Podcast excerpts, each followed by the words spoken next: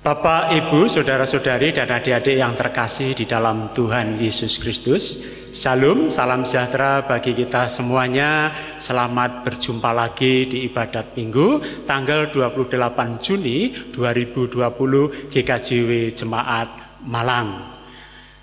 Yang pertama-tama tentu saja saya mengajak kita semuanya mengucapkan puji syukur dan terima kasih kepada Tuhan karena pada hari ini kita diperkenankan untuk membangun ibadah secara online di rumah kita masing-masing. Yang kedua, doa dan harapan kami kepada Bapak Ibu sekeluarga semoga tetap senantiasa sehat, penuh sukacita dan damai sejahtera. Perlu diketahui bahwa hari ini kita sudah memasuki bulan keluarga. Dan sebelum kita memasuki ibadat, kita akan saksikan bersama tayangan video dari SD Kristen YBPK Ngaglik sebagai berikut. Selamat menyaksikan.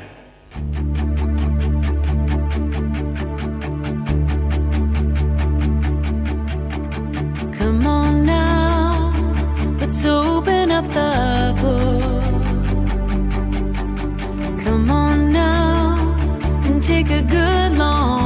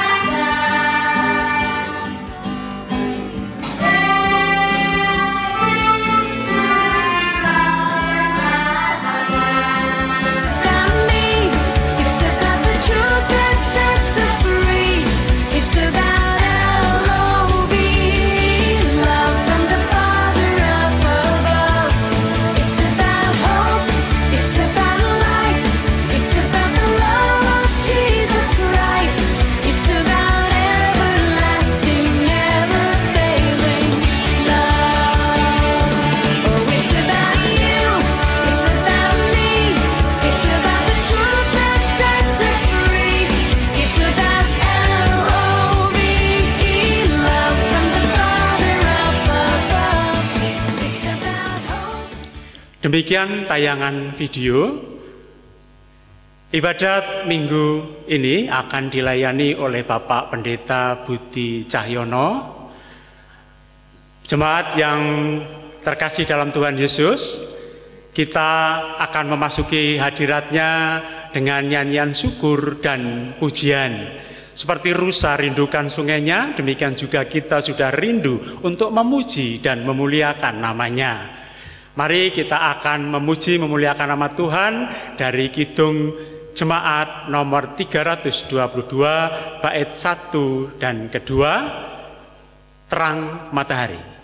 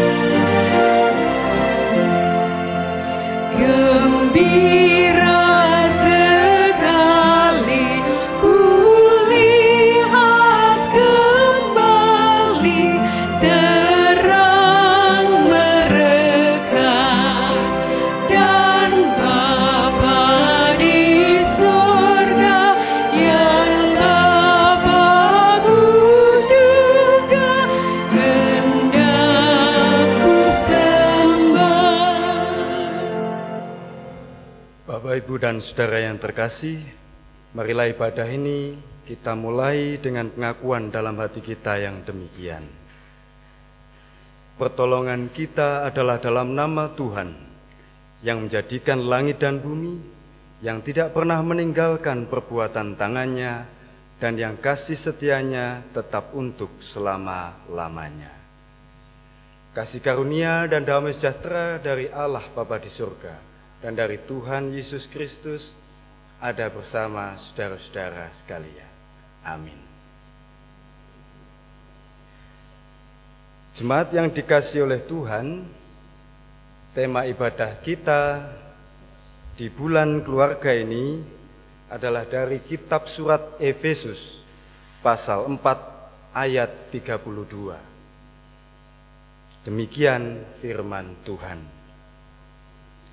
Tetapi hendaklah kamu ramah se- seorang terhadap yang lain, penuh kasih mesra dan saling mengampuni. Sebagaimana Allah di dalam Kristus telah mengampuni kamu. Amin. Kita bersama-sama menyambutnya dengan Kidung Jemaat 58 bait 1 dan 2.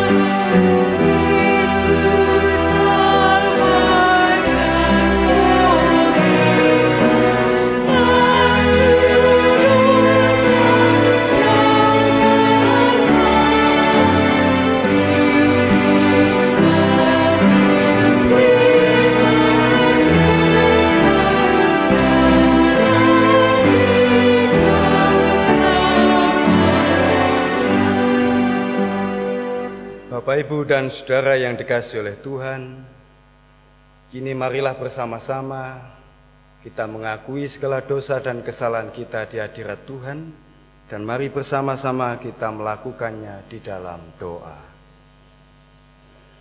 Bapa di dalam sorga, Allah yang maha baik, perkenankan saat ini kami anak-anakmu menghadap kehadiratmu dengan keberadaan kami yang seutuhnya. Dengan kemanusiawian kami di dalam dosa dan cacat kami. Ya Tuhan, pada saat ini kami sungguh mengakui bahwa Engkau telah membimbing kami dalam perjalanan hidup. Kami pun berusaha untuk tetap bersamamu. Akan tetapi ya Allah, sering kali pula nafsu kami, keinginan daging kami lebih memenangkan diri kami untuk ikut arus dunia. Oleh sebab itu ya Tuhan, sering kali kami lebih mengedepankan maksud dan keinginan diri kami sendiri dibanding untuk berserah kepadamu. Terutama di masa pandemi COVID-19 ini, kami sering kali masih merasa bahwa kepentingan kami yang utama, kami merasa lebih benar, kami merasa saudara-saudara kami yang tertular itu adalah musuh-musuh kami.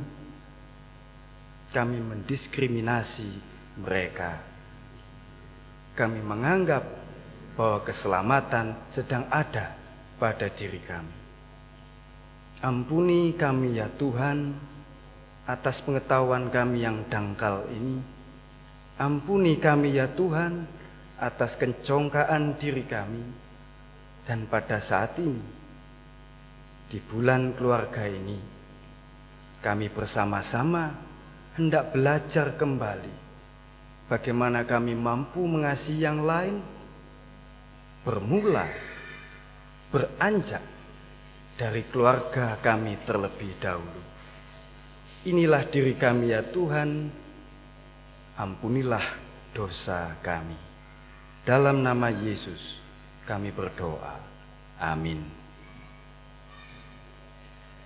Bapak, Ibu, dan saudara yang dikasih oleh Tuhan, setelah menyesali dosa dan kesalahan kita di hadirat Tuhan, marilah pada saat ini kita sungguh-sungguh percaya bahwa Allah sedang mendengarkan doa kita. Dan tentu akan mengampuni segala dosa dan pelanggaran kita seperti yang telah difirmankannya dalam kitab Yesaya pasal 44 ayat 22 demikian. Aku telah menghapus segala dosa pemberontakanmu seperti kabut diterbangkan angin dan segala dosamu seperti awan yang tertiup. Kembalilah kepadaku sebab aku telah menebus engkau. Kita menyambut berita sukacita ini dengan Kidung Jemaat nomor 46 kita nyanyikan bait pertama dan kedua.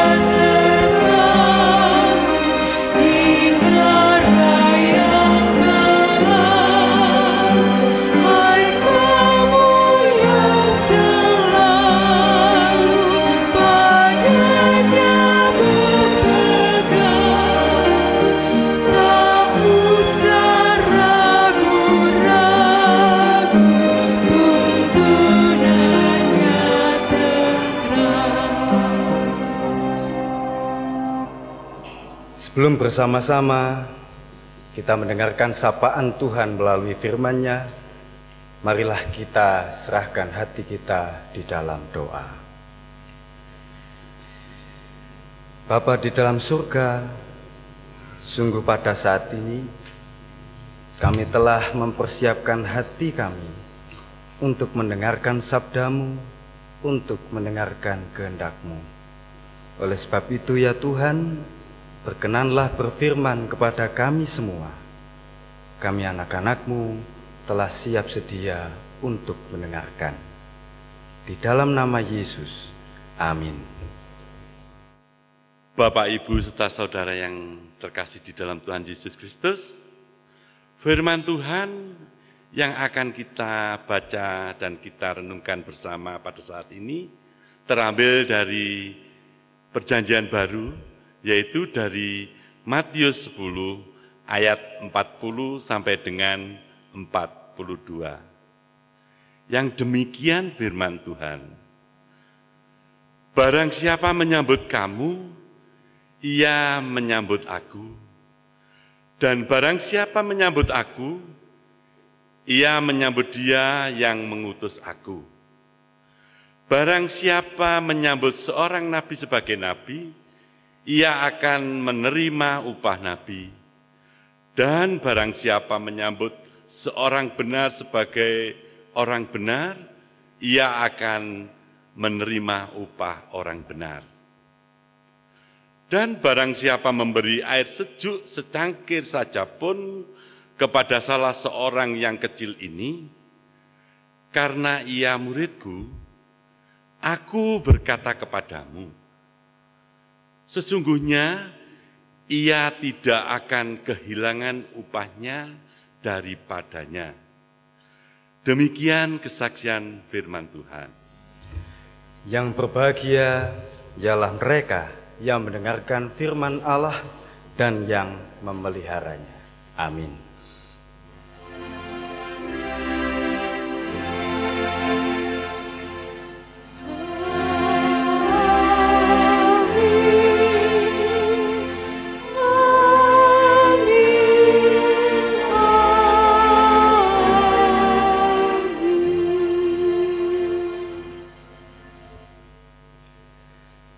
Bapak, Ibu, dan saudara-saudara yang dikasih oleh Tuhan, sungguh berbahagia jika pada saat ini, di awal bulan keluarga Gereja Kristen Jayawetan, kita menerima sebuah bacaan yang unik dari kitab Injil Matius ini.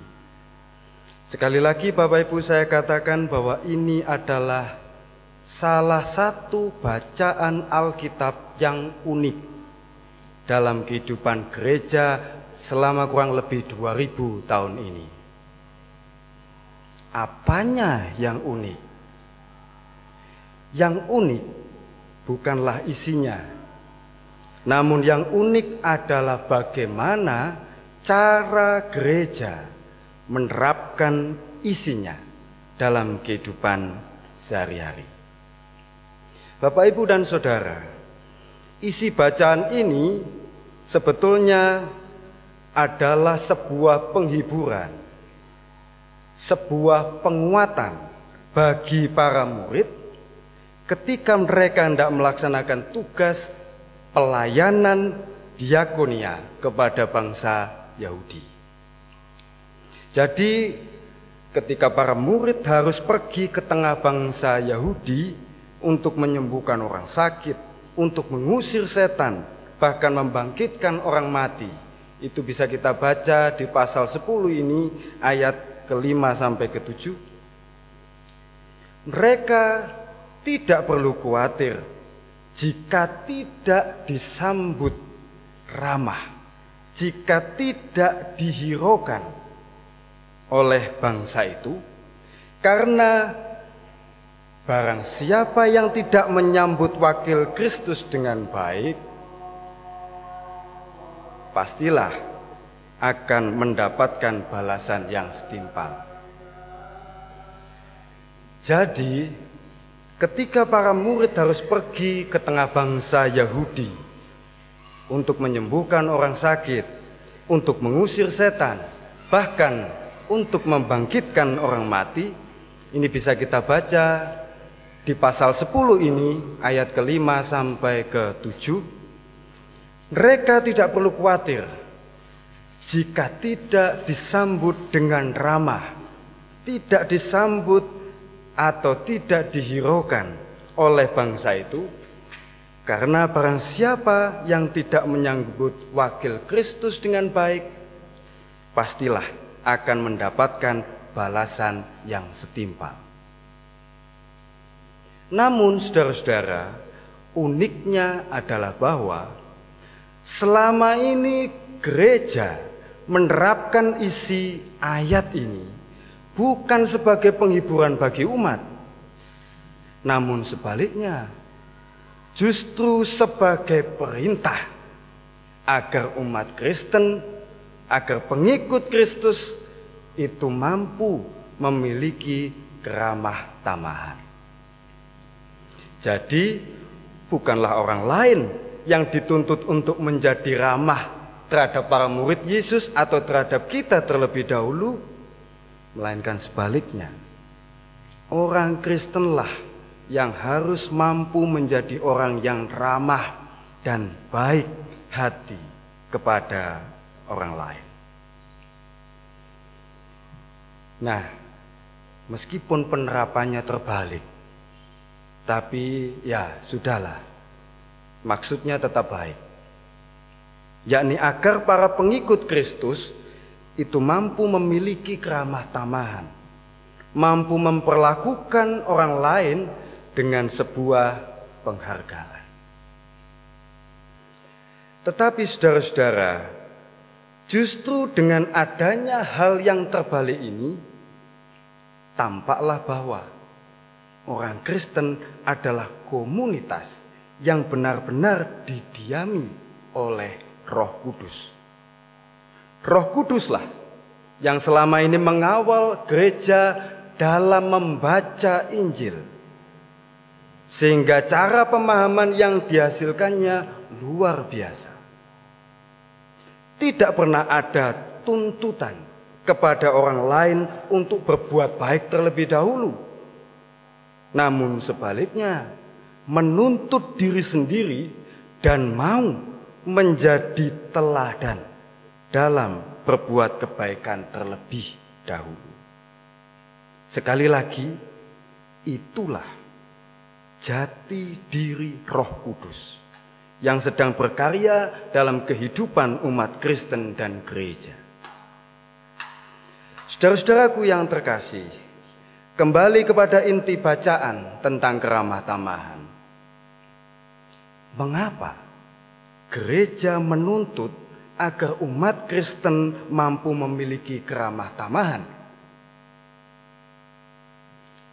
Sebab keramah tamahan tak lain adalah titik berangkat dari sebuah perbuatan baik. Kita tahu bahwa tidak pernah ada sapaan yang tulus tanpa diawali sebuah senyuman. Tidak pernah ada sajian hidangan tanpa diawali dengan mempersilahkan masuk dan mempersilahkan duduk. Jelaslah bahwa keramah tamahan adalah titik berangkat dari sebuah perbuatan baik. Tidak pernah ada perbuatan baik tanpa sebuah keramah tamahan. Bahkan keramah tamahan itulah sesungguhnya wujud nyata dari sebuah perbuatan baik. Saudara-saudaraku yang dikasih oleh Tuhan, dalam bahasa Inggris, keramah tamahan itu disebut dengan hospitality. Ini akan langsung mengingatkan kita pada kata lain, yakni hospital, yang berarti rumah sakit. Jadi, adakah hubungan antara keramah tamahan dengan rumah sakit? Ini juga hal unik yang menarik. Baik kata hospitality maupun hospital itu berasal dari kata hospes yang berarti orang asing atau musuh. Dalam tradisi kuno, orang asing dipahami sebagai sebuah ancaman. Tetapi secara serentak mereka juga adalah orang yang membutuhkan perlindungan. Maka kata hospes ini juga diterjemahkan sebagai tamu. Tamu yaitu orang yang harus diawasi namun serentak juga harus dilayani dengan baik. Itulah cara pandang orang kuno berkenaan dengan sikap mereka terhadap hospes atau terhadap orang asing. Nah, dalam perjalanan sejarah gereja sejak abad keempat, gedung gereja dan biara-biara Kristen yang dibangun itu selalu mempunyai kamar-kamar untuk para tamu, untuk para hospes ini. Yang lalu, kamar-kamar itu disebut dengan istilah hotel. Hotel itulah kamar untuk para hospes. Kemudian mulai abad ke-12 selain punya hotel, gedung gereja dan biara-biara itu selanjutnya juga punya hospital. Yakni kamar-kamar untuk para hospes, untuk para tamu miskin yang sakit. Sebab pada abad pertengahan banyak sekali para peziarah yang mengandalkan gereja dan biara sebagai tempat persinggahan selama perjalanan mereka. Dan karena lambat laun, para tamu yang datang ke gereja dan biara itu kebanyakan justru adalah orang sakit, maka para pendeta zaman itu akhirnya mengembangkan ilmu pengobatan, bahkan area gedung gereja dan biara lalu mempunyai sebidang tanah khusus untuk tanaman-tanaman obat herbal. Saya pernah berkesempatan berkunjung ke sebuah rumah sakit di area gedung gereja Saint Elizabeth di Marburg, Jerman. Rumah sakit dan gereja itu dibangun pada tahun 1226 dan ini termasuk salah satu rumah sakit tertua di dunia dan merupakan cikal bakal rumah sakit modern. Rumah sakit dan hotel gereja ini sangat berhubungan dengan sikap ramah orang Kristen dalam memberi tumpangan kepada orang asing. Ini juga yang disarankan dengan getol oleh Rasul Paulus salah satunya dalam kitab surat Roma pasal 12 ayat 13. Dan sejak zaman para rasul orang Kristen selalu berpikir bahwa di antara para tamu yang dijamu pasti ada beberapa orang dari mereka yang adalah para malaikat.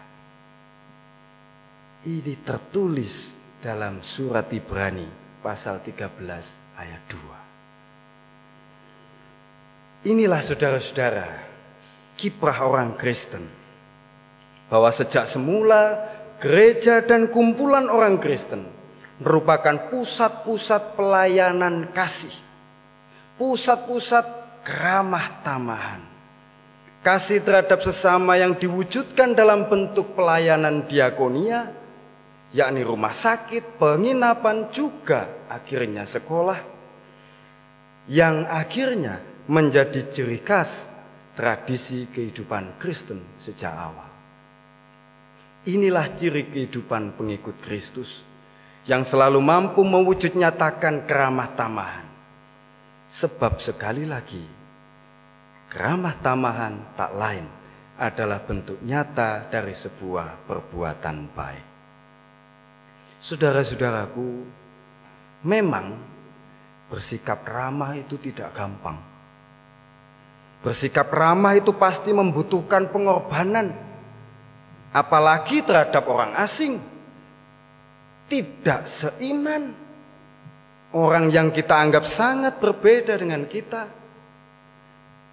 Maka tak mengherankan jika pernah ada pepatah dari Afrika itu diungkapkan dalam bahasa Swahili yang kira-kira artinya demikian. Perlakukan tamu Anda sebagai tamu selama dua hari saja. Namun pada hari ketiga berilah dia cangkul. artinya jangan baik-baik terus.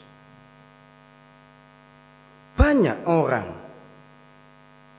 bisa bersikap ramah. Namun, saudara-saudara, mempertahankan untuk selalu ramah itu yang sangat sulit. Padahal saudara-saudara, seorang ilmuwan Prancis pada abad 18 bernama Louis de Jaucourt menggambarkan keramah tamahan itu sebagai kebajikan jiwa yang peduli terhadap seluruh alam semesta melalui ikatan kemanusiaan. Artinya, jika kita berkeinginan untuk tumbuh sebagai manusia yang beradab, yang selalu mempunyai nilai-nilai kemanusiaan, mempunyai martabat yang agung, maka milikilah keramah tamahan. Di tengah bulan keluarga ini, marilah kita semua tetap mau terus belajar untuk selalu hidup dalam sikap kekeluargaan, sikap keramah tamahan, menganggap satu dengan yang lain sebagai saudara, meski tidak selalu sebagai saudara seiman, namun sebagai saudara sesama ciptaan. Itulah yang mengantar kita bertumbuh untuk menjadi manusia yang sempurna, manusia yang segambar dengan Allah. Amin. Saat teduh bagi kita.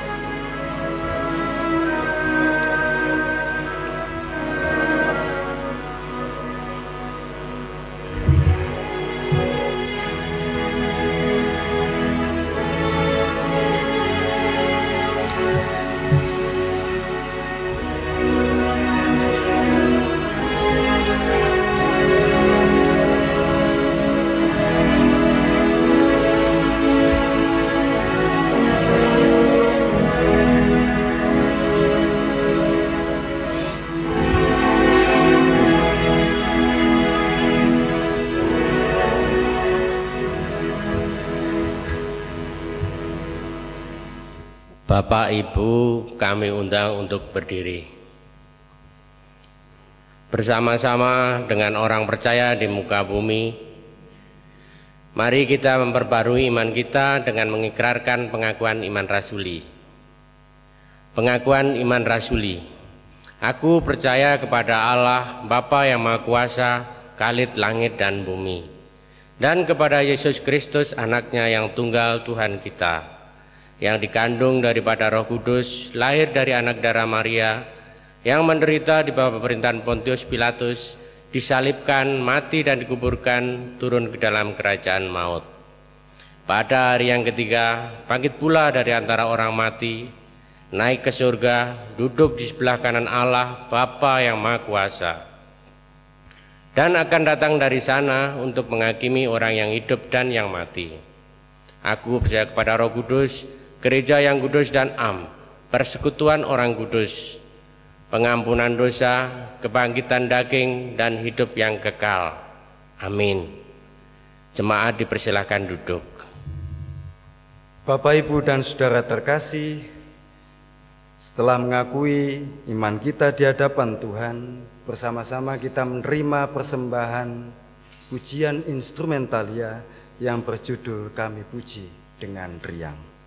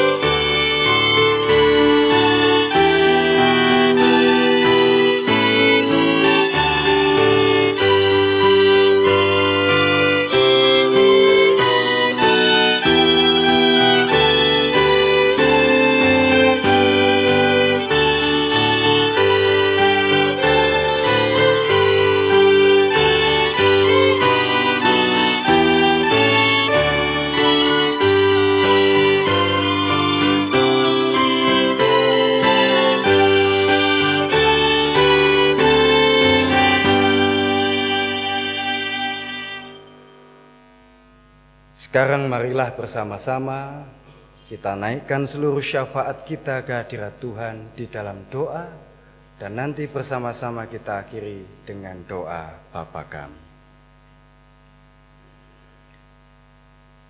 Bapa di dalam sorga, pada saat ini kami sungguh mengucap syukur kehadiratmu,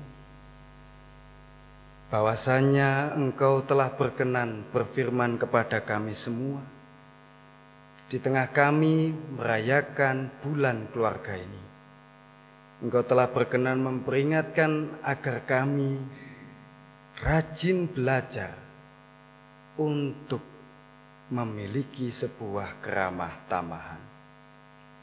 Itulah titik pijak kami, titik berangkat kami dalam rangka kami berbuat baik bagi sesama kami dan bagi seluruh ciptaan.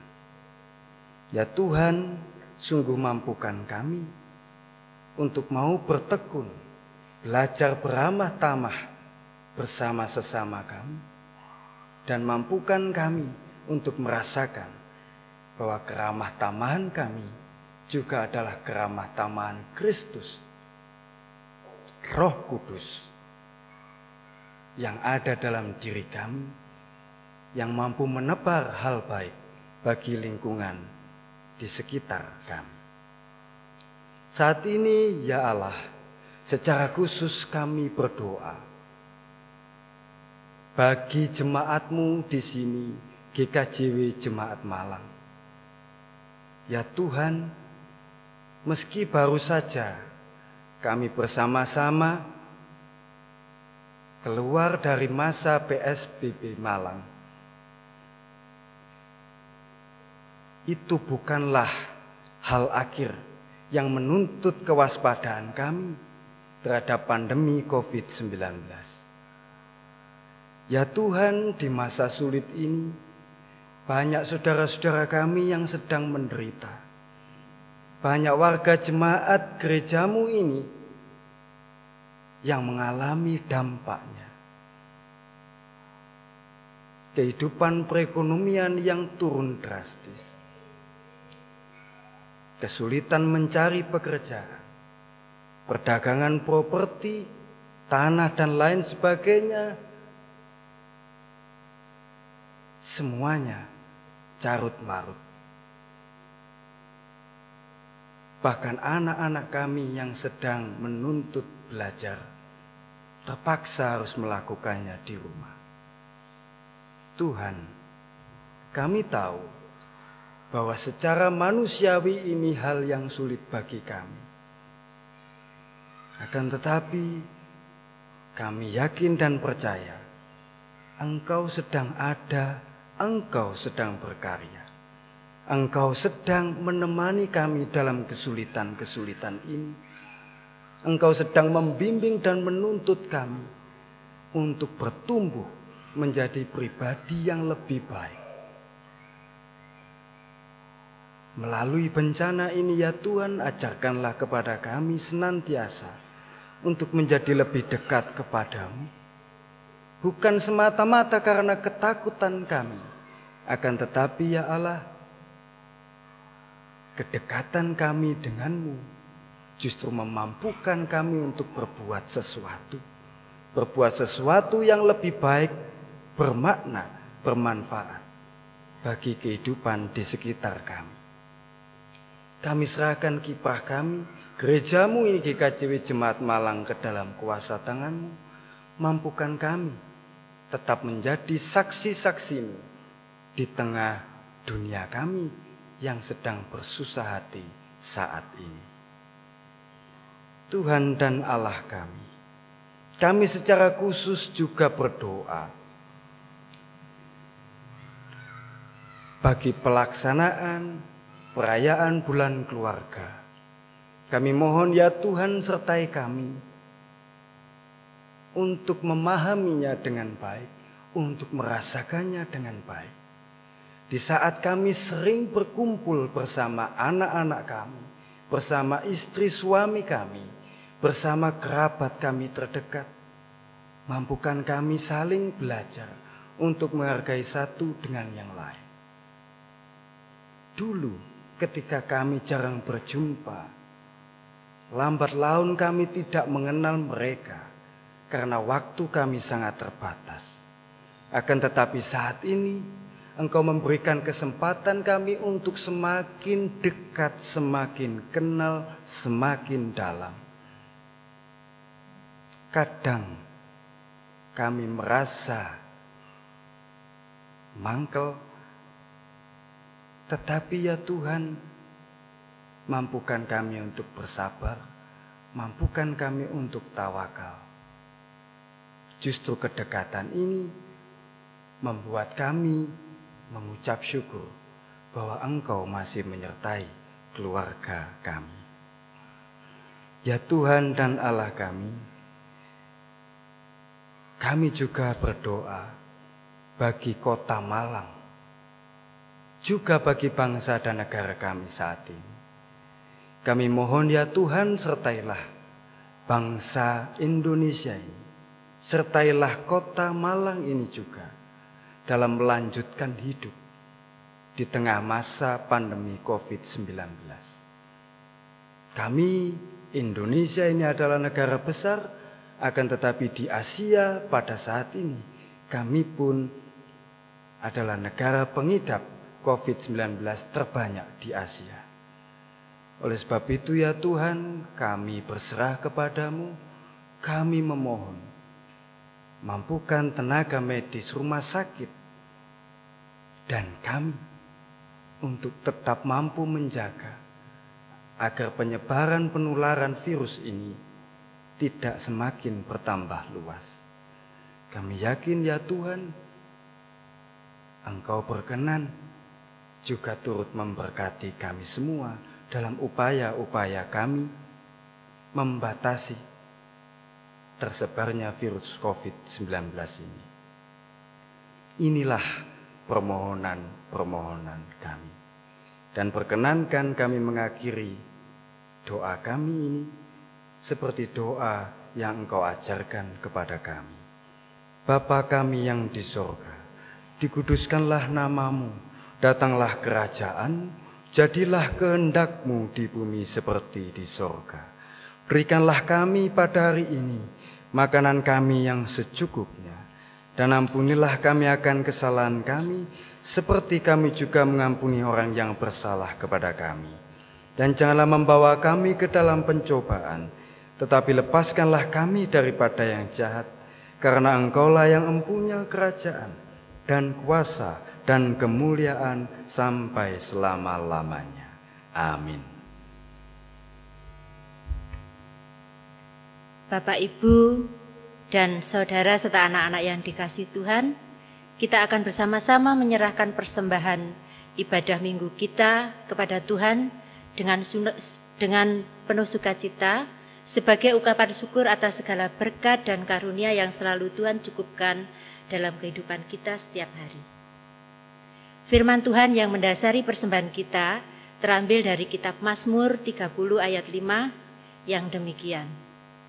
Nyanyikanlah Mazmur bagi Tuhan, hai orang-orang yang dikasihinya, dan persembahkanlah syukur kepada namanya yang kudus. Bersamaan dalam kita mengumpulkan persembahan, kita memuji nama Tuhan dari Kidung Semaat 298 bait 1 dan 3. Selama bumi didiami.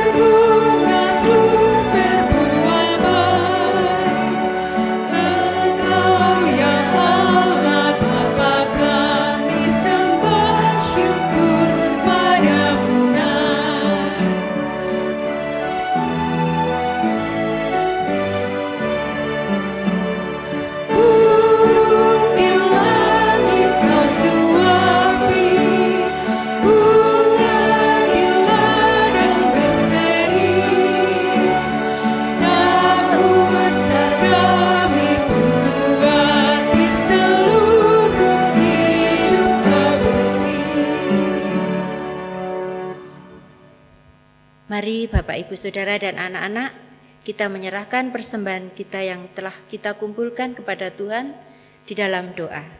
Mari kita berdoa. Tuhan Yesus yang Maha Kasih, kami mengucap syukur atas segala berkat yang telah Engkau berikan kepada kami. Terima kasih untuk kesempatan saat ini, karena bisa beribadah di rumah kami masing-masing dengan baik. Sebagai ungkapan syukur atas segala berkat dan kemurahan Tuhan kepada kami, kami telah mengumpulkan persembahan. Kiranya Tuhan berkenan menerima dan memberkati persembahan ini, agar dapat dipakai sebagai pelayanan, kasih, dan pelayanan firman Tuhan di gerejamu ini. Ajar kami juga untuk menggunakan berkat-Mu yang masih ada pada kami dengan penuh rasa tanggung jawab. Begitu juga dengan tangan-tangan yang Tuhan pilih untuk mengelola persembahan ini, kiranya Tuhan berkati dengan hikmat dan kebijaksanaan untuk dapat bertanggung jawab dan rasa takut akan Tuhan. Doa dan persembahan ini kami serahkan ke hadirat Tuhan dengan penuh kerendahan hati di dalam nama Tuhan kami Yesus Kristus. Amin.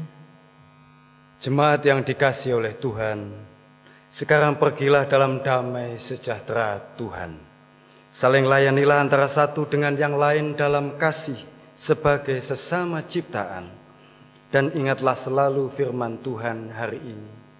Hendaknya kita mau belajar untuk selalu bersikap ramah kepada yang lain, sebab itulah perbuatan baik yang mampu kita tebar. Percayalah bahwa Tuhan selalu menyertai saudara. Kita menutup ibadah kita dengan Kidung Jemaat 425 bait 1.